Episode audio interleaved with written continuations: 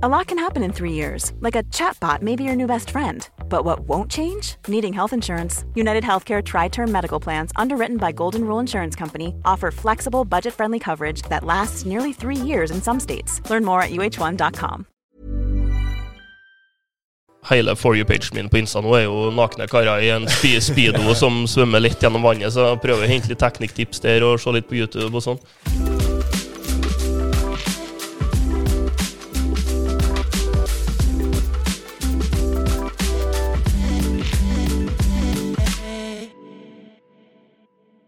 Hei og velkommen til treningsprat. Du hører på meg, Anders Muren. Og så er det meg, Thomas Brun. Og i dag har vi storfint eh, besøk. Yes. Veldig, det er godt å ha med en trønder som er mer trønder enn meg. Det, det må jeg vel si. Velkommen til podden, Sondre. Jo, takk. Takk for å få invitasjonen. invitasjon. Ja, nei, Det var kjempekult å kunne få med deg. Eh, jeg og dama satt jo og så uh, Vi syns Norges tøffeste var veldig kult, da. Og du er jo the man himself, som vant i eh, var 23? Det var Sesongen gikk i 22.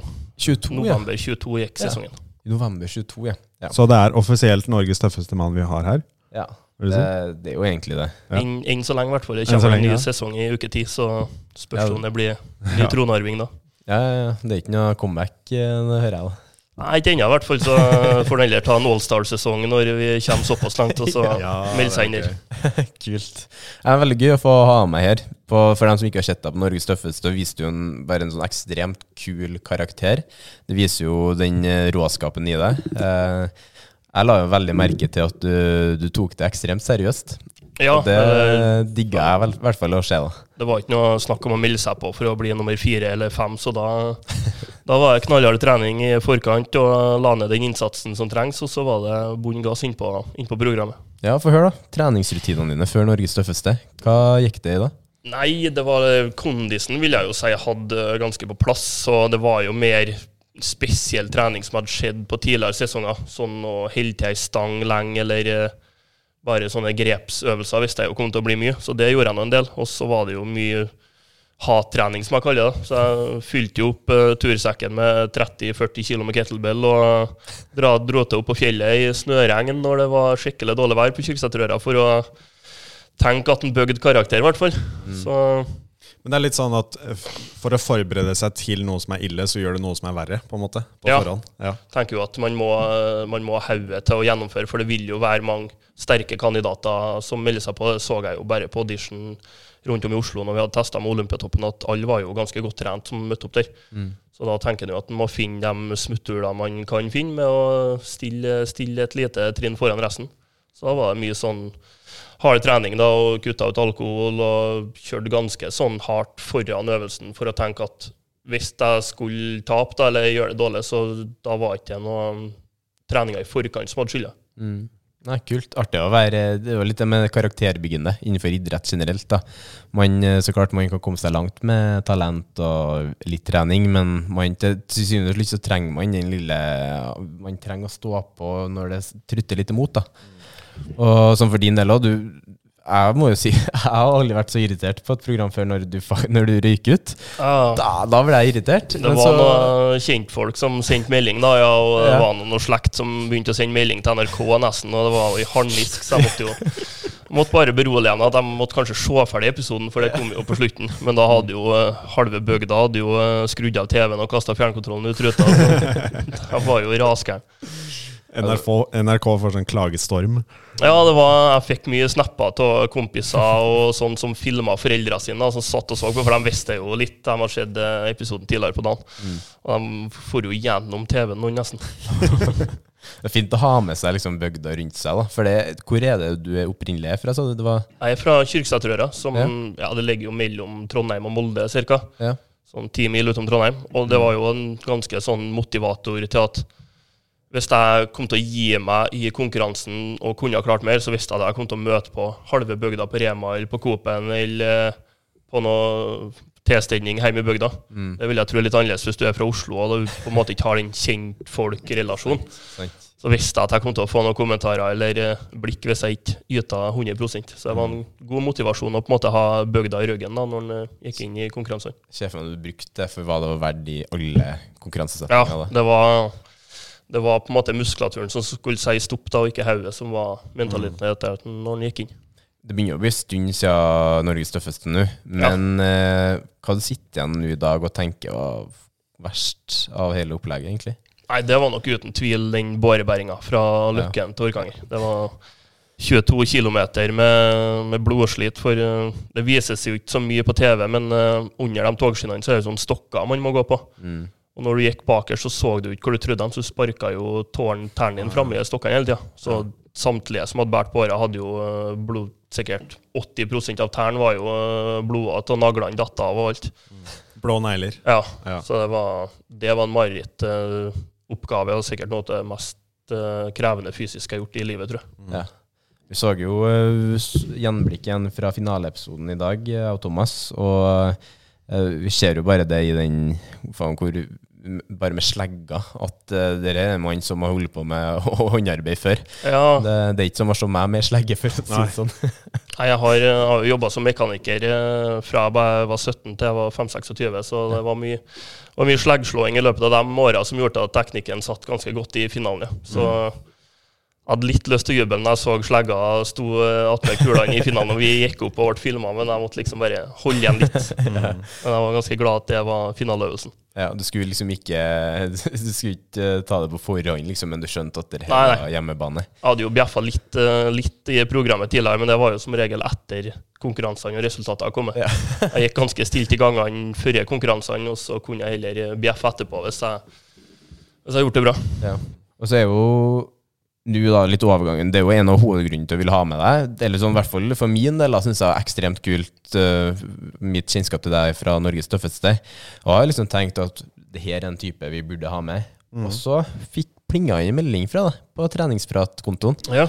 Og uh, da kjente jeg meg nå Blir du starstruck? Ja, blir jeg litt det. Jeg synes Ja. så sykt først og fremst at du hører på oss og lytter til podden. Men så du skal jo delta på Norseman nå i Ja. år, 2024. Jeg fant ut i sommer at jeg ville ha meg ei bra utfordring. Ja. Og så Norseman har jeg hatt i bakhodet i veldig mange år, for eh, pappa drev jo med triatlon før, og maraton. Og skulle jo egentlig være med på Norseman i ja, sikkert tidlig 2000, sent 90-tallet, vil jeg tro. Eller noen av de første gangene.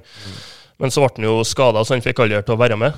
Men så um, har han sykla Trondheim-Oslo to ganger. Så tenkte jeg sånn Jeg orker ikke å sykle Trondheim-Oslo tre ganger for å slå han, så da må jeg, da må jeg ta Norseman for å så ha den over han. Ja, ja, ja. Og så var jeg inne på nettsida til Norseman og så, og så er det første som står, er liksom 'This is not for you'.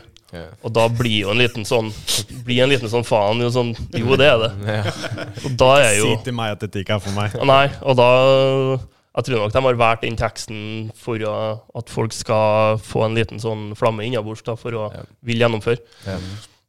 Men så er det jo nesten umulig å få plass i dag. Jeg var jo med på lotteriet og satsa på en av de 5000 søkerne som søkte, men uh, det ble ikke. Og så gikk det noen dager, og så fikk jeg melding fra teamet i Norseman, for dem hadde jeg jo snakka litt med på forhånd. Og var så heldig da å kunne få et sånt mediestartnummer som de disponerer sjøl. Så det var da nesten så jeg ikke fikk snakka med dem i telefonen, for jeg sto jo og hoppa gjerne inn på stuegulvet og var jo totalt i jubelrus for at jeg hadde fått plass. da. Kult. Det er veldig gøy. Jeg ringte faktisk et par folk og ga dem beskjeden om at de hadde fått plass når lotteriet var ferdig og, og plassene ble offisielt. Det er en veldig god følelse. Ja, Når, de, det, når du får den telefonen, det er som å vinne i lotteri. Det er jo det det er, på en måte. ja, det er jo en så liten sjanse at uh, det er nedi 1% sjanse for å bli med på lotteriet, mindre du har poeng eller stille i verdenscupen.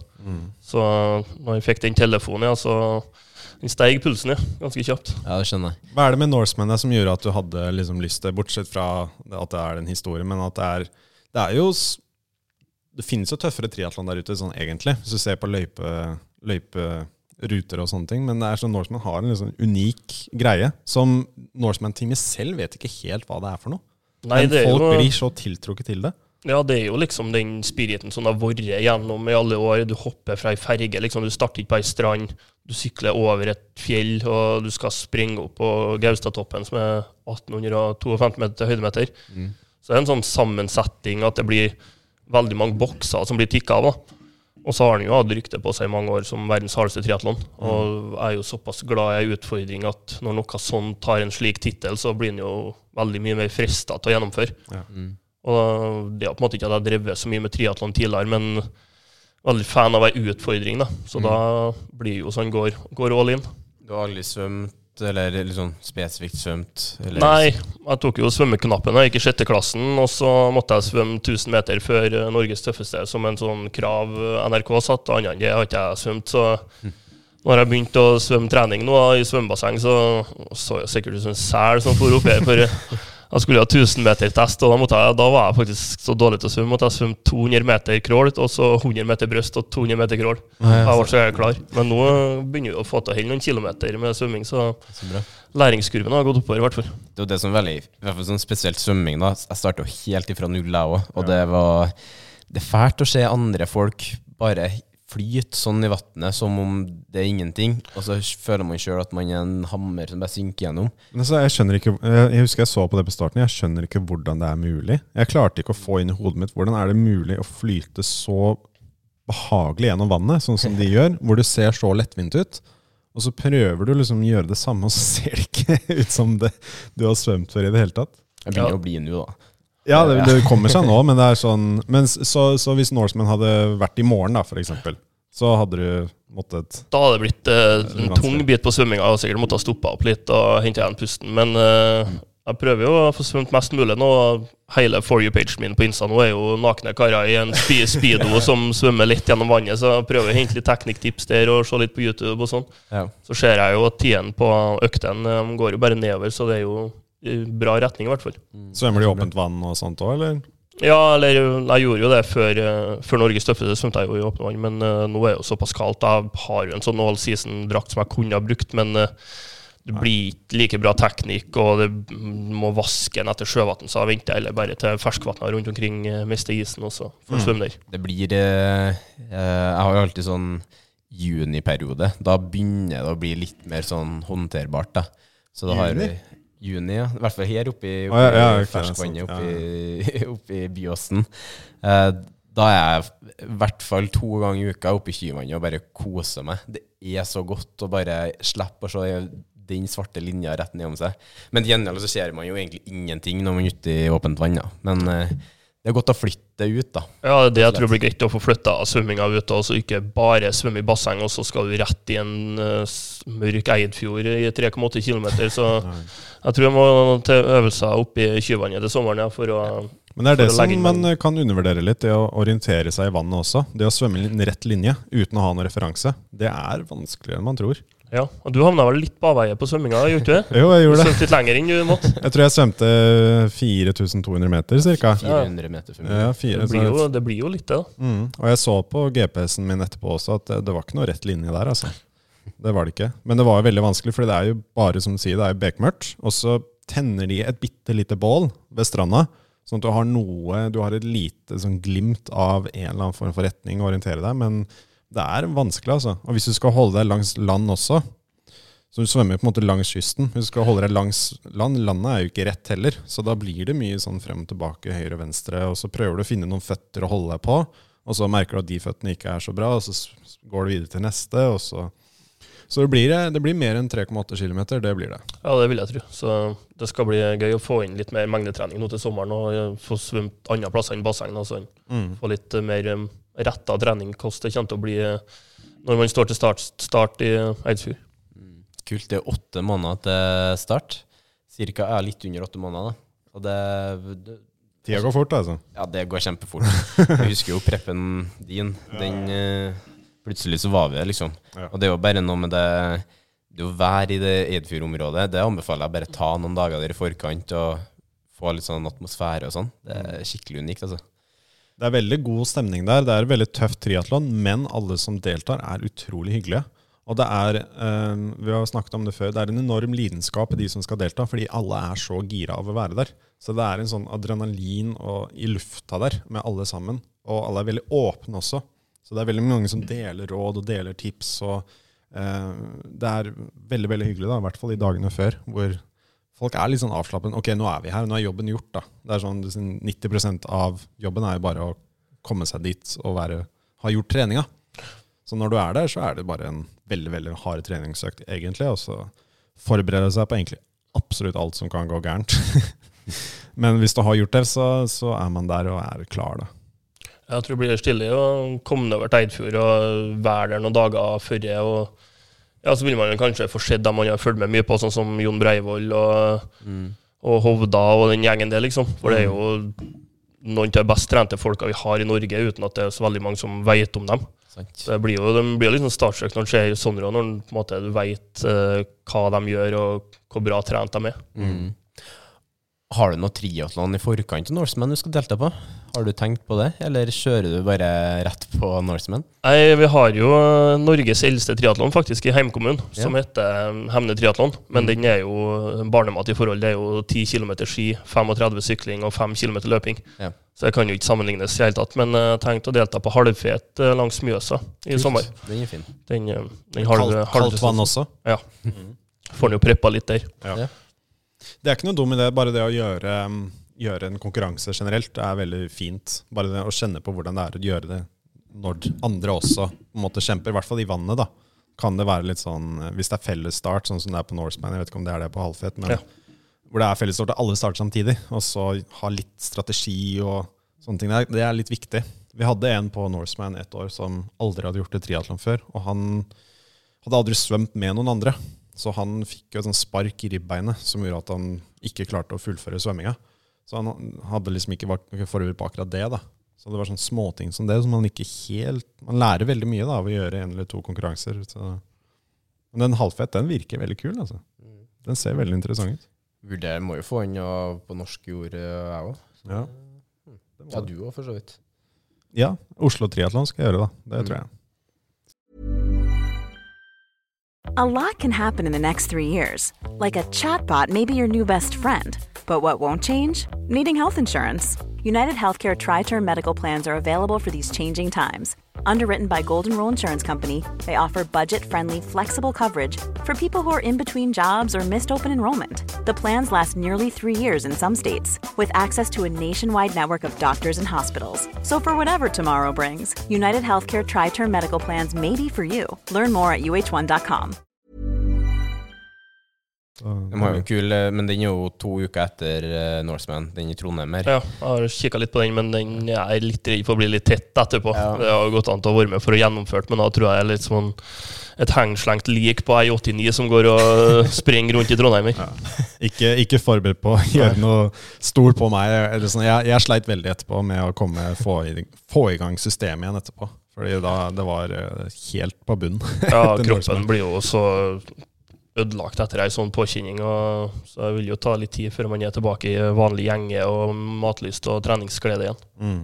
Har du vært med på noen sånne konkurranser Har du vært noen sånn konkurransemenneske før, egentlig? Eller? Jeg har jo egentlig drevet med alt av idrett fra jeg var liten. Uh, mamma og pappa la meg jo drive med alt mulig fordi om jeg var veldig dårlig i det meste. Jeg kom topp ti sist i skirenn. Jeg har ballfølge som en grevling og sykler ikke spesielt fort. Men eh, det var jo alt mulig, så jeg har jo faktisk et NM-sølv fra downhill på Oppdal for sikkert snart 15 år siden. Ja. Så det er jo det, det eneste. da. Og så er det jo mer det enn treningsgleden som har kommet de siste åra, og så å pushe seg sjøl. Det kom jo mye etter militæret, Ja.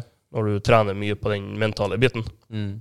Og da er det jo artig å ta det over i treningssammenheng. og ja, det, det er jo ikke at jeg driver med noe bestemt idrett, men det er bare at jeg liker, liker utfordring og noen tester, eller veldig høyt konkurranseinstinkt. da. Så det er jo å finne noen nisje og prøve å ta noen andre på det. Ja. Det å kjenne på at du er i stand til å gjøre mer enn du trodde du kunne òg, det er jo en enorm fin følelse. Ja, og man klarer jo all vei mer enn kan tro.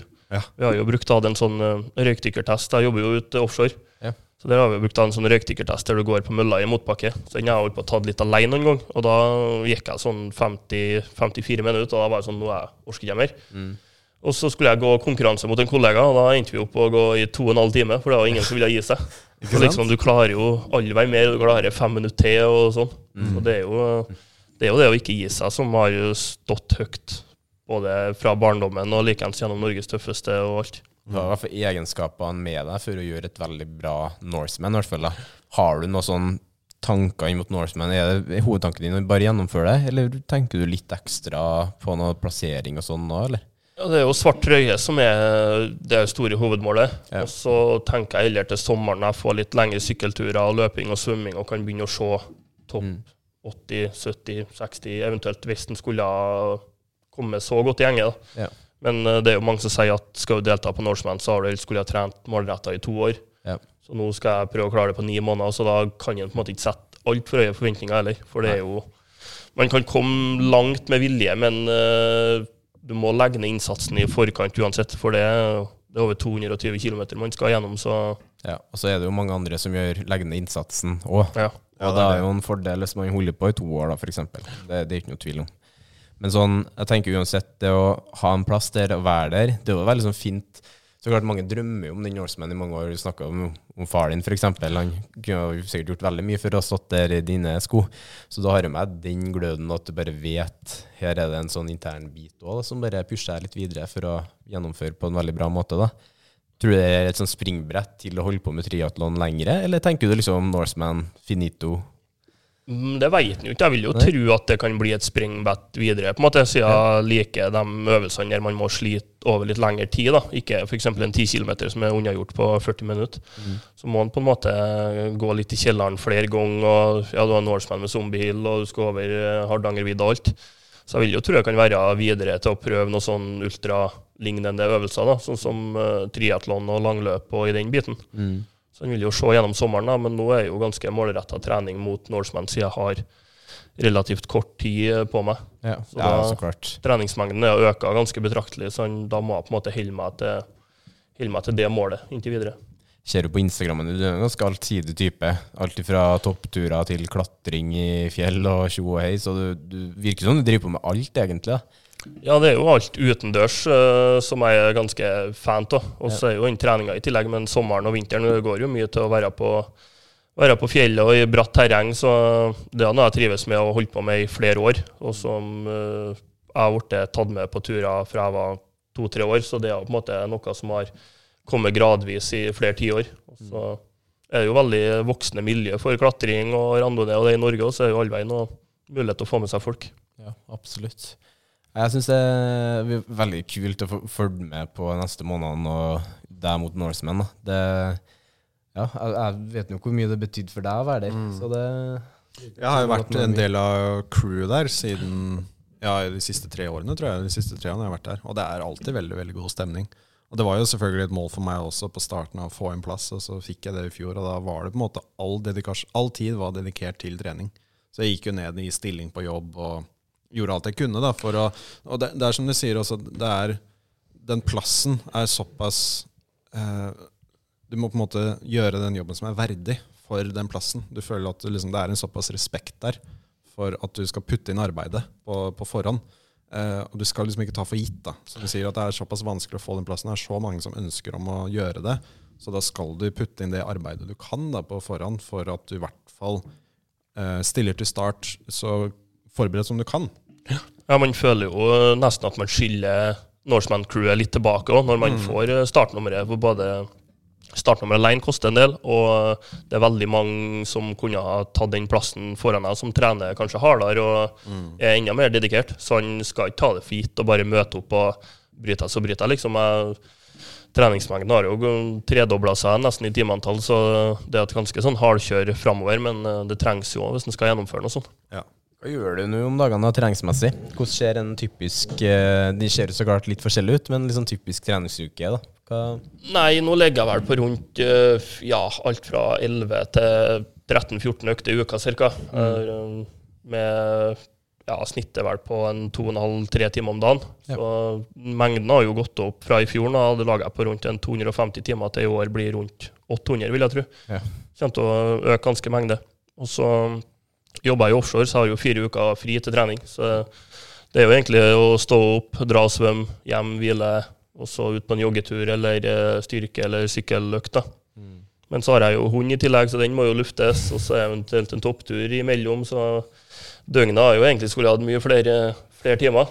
Ja, fy søren, altså. Og når jeg er på arbeid i tillegg, så skal jeg jo jobbes tolv timer i tillegg til to økter. Så da er jeg eventuelt opp eh, klokka fem om morgenen og ta ei økt, og i tillegg ei økt i lunsjen, eller å trene på kveldstid. Mm. Det, jo noe, det må jo være noe med det å ha mange kunder som kombinerer offshorejobb og trening, men det er ikke snakk om like mange treningstimer sånn som du har foran deg her nå. Så det, det krever jo en del eh, Man kan jo si ofringer, men det blir jo heller ikke det. For man gjør jo det med glede mot det man, eh, målene sine. Men det krever jo mye å stå opp de timene ekstra i forkant og ta den timen i lunsjen osv. Så, videre, og så, så jeg ser for meg det er noen gang hodet ut bare sitter og tenker sånn Hvorfor sier jeg ja? Hvorfor? Ja, Han begynner jo å lue liksom, når du står opp og øynene er gjenklistra, alarmen har stått på 04.45. Liksom, tenker, men så bruker jeg å si til meg selv at hvis jeg ikke klarer å gå opp fire etasjer til treningsstudio nå, hvordan i alle dager skal jeg klare å sykle opp til dyrene ut? Ja, bra. Så liksom, du må klappe deg sjøl litt og bare si ta deg sammen. Ja. For det er på en måte det, Så jeg bruker å si til andre folk det er, det er ingen som har, uh, har hatt vondt av det litt jævlig. Det, det tror jeg mange bare har sunt av og kan pushe seg sjøl. Nå kan han gå ned og dusje og gå til frokost etterpå, så er det jo umulig å ikke ha en bedre følelse enn når du gikk opp. Ja. Og så er noe vi, vi, sånn, vi treene i rommet her, i hvert fall, vi bestemmer helt sjøl at vi legger oss i den situasjonen som vi gjør med forhold til triatlon og konkurranse og sånn. Vi, vi, er veldig heldige som kan bestemme sjøl. Og, og nå skal vi ha det jævlig et par timer.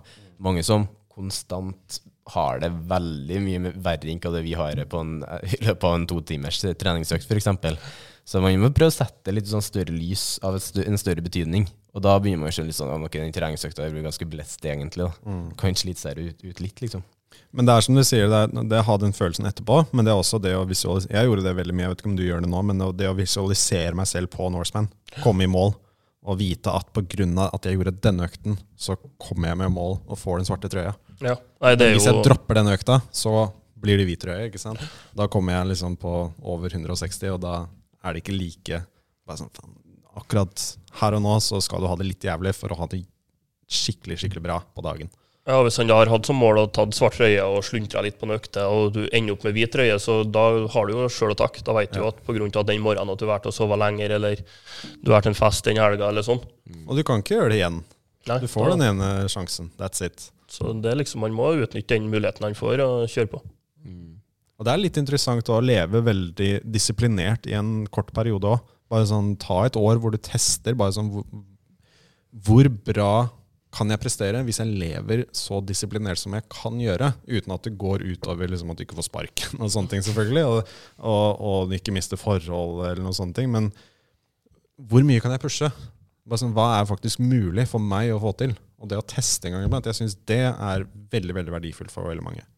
Ja, kroppen tåler jo så mye mer enn hva, enn hva man tror, og da er jo det å gjennomføre treninger som er jævlig, eller gjennomføre lange treninger, eller ha mye mengde over en viss periode, der kroppen blir veldig sliten. Mm. Jeg ble jo ofte spurt av NRK som hva som gjorde til at jeg klarte å holde ut så lenge i forskjellige ting. Og da sa jeg jo bare helt enkelt, for det var et råd jeg fikk fra en gammel kar fra bygda. Det var å se for deg at du har en pistol inni tauet, og hvis du gir opp, så går den av. Ja. Da finner du ut hvor mye du er villig til å til å tåle. Mm. Og Det er jo en banal tankegang, men det funker for meg, så da orker ikke jeg å gå over til noe annet. Men det er litt sånn som det var før hvis du ikke er flink til å jakte, f.eks.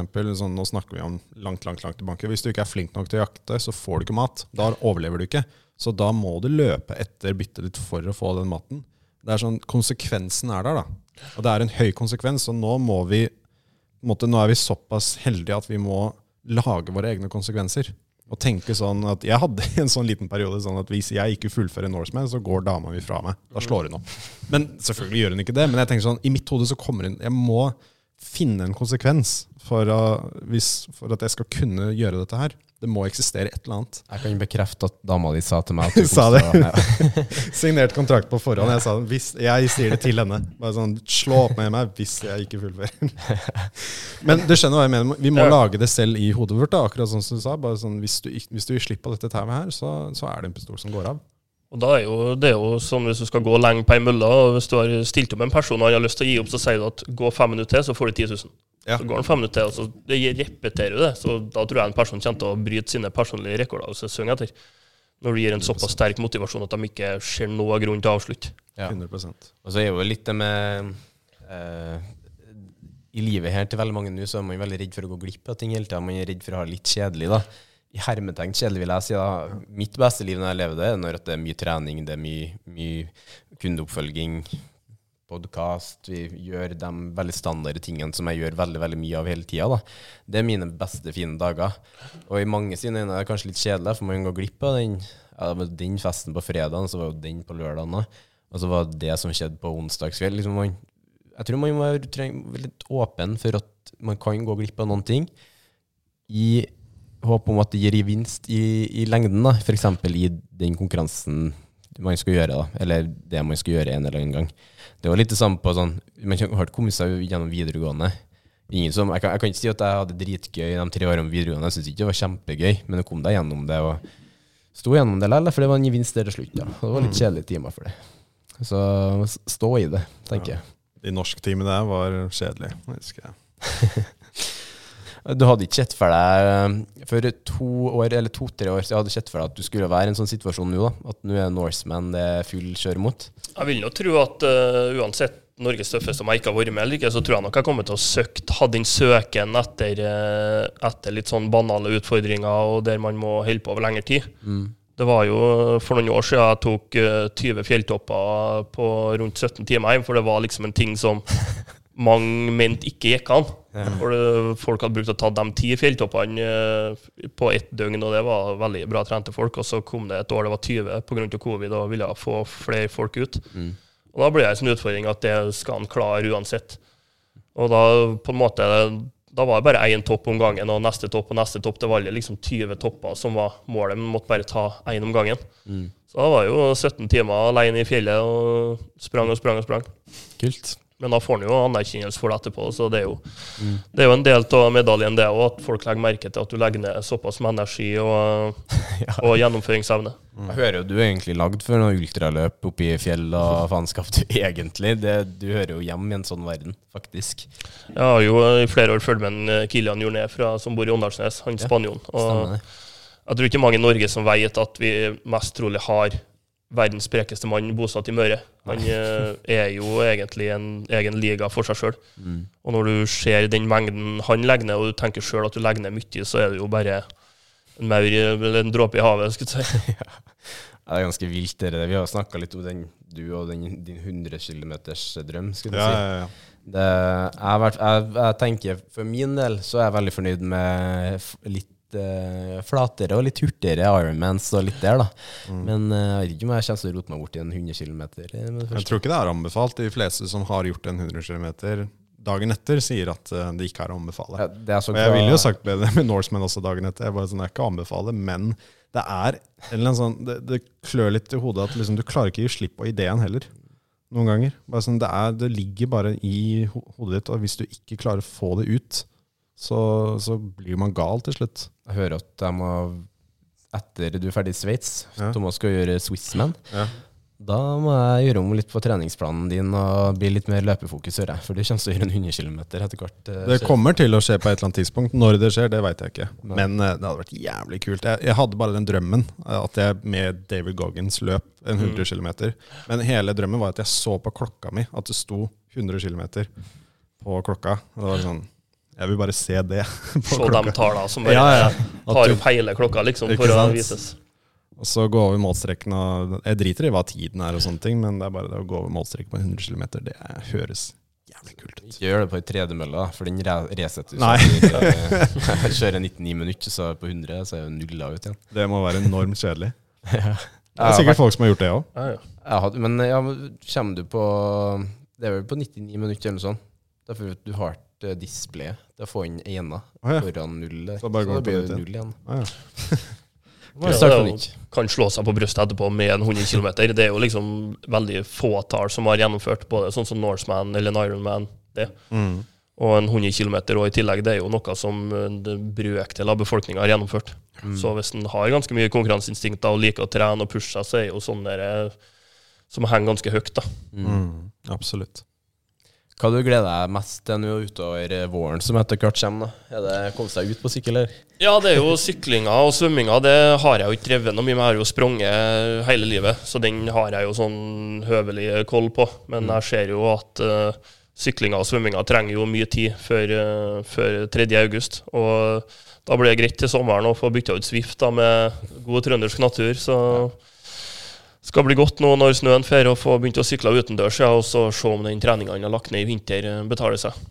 Det er de beste forholdene å gjøre seg klar til Norseman i, da, der hvor de bor nå. Det er jo, jeg syns synd på de som kommer fra utlandet, fra Brasil og sånn, som ikke har kjent på den norske kulda, som treffer deg når du går opp mot fjellet. Det var ett år det var to grader på visse steder i sykkelløypa.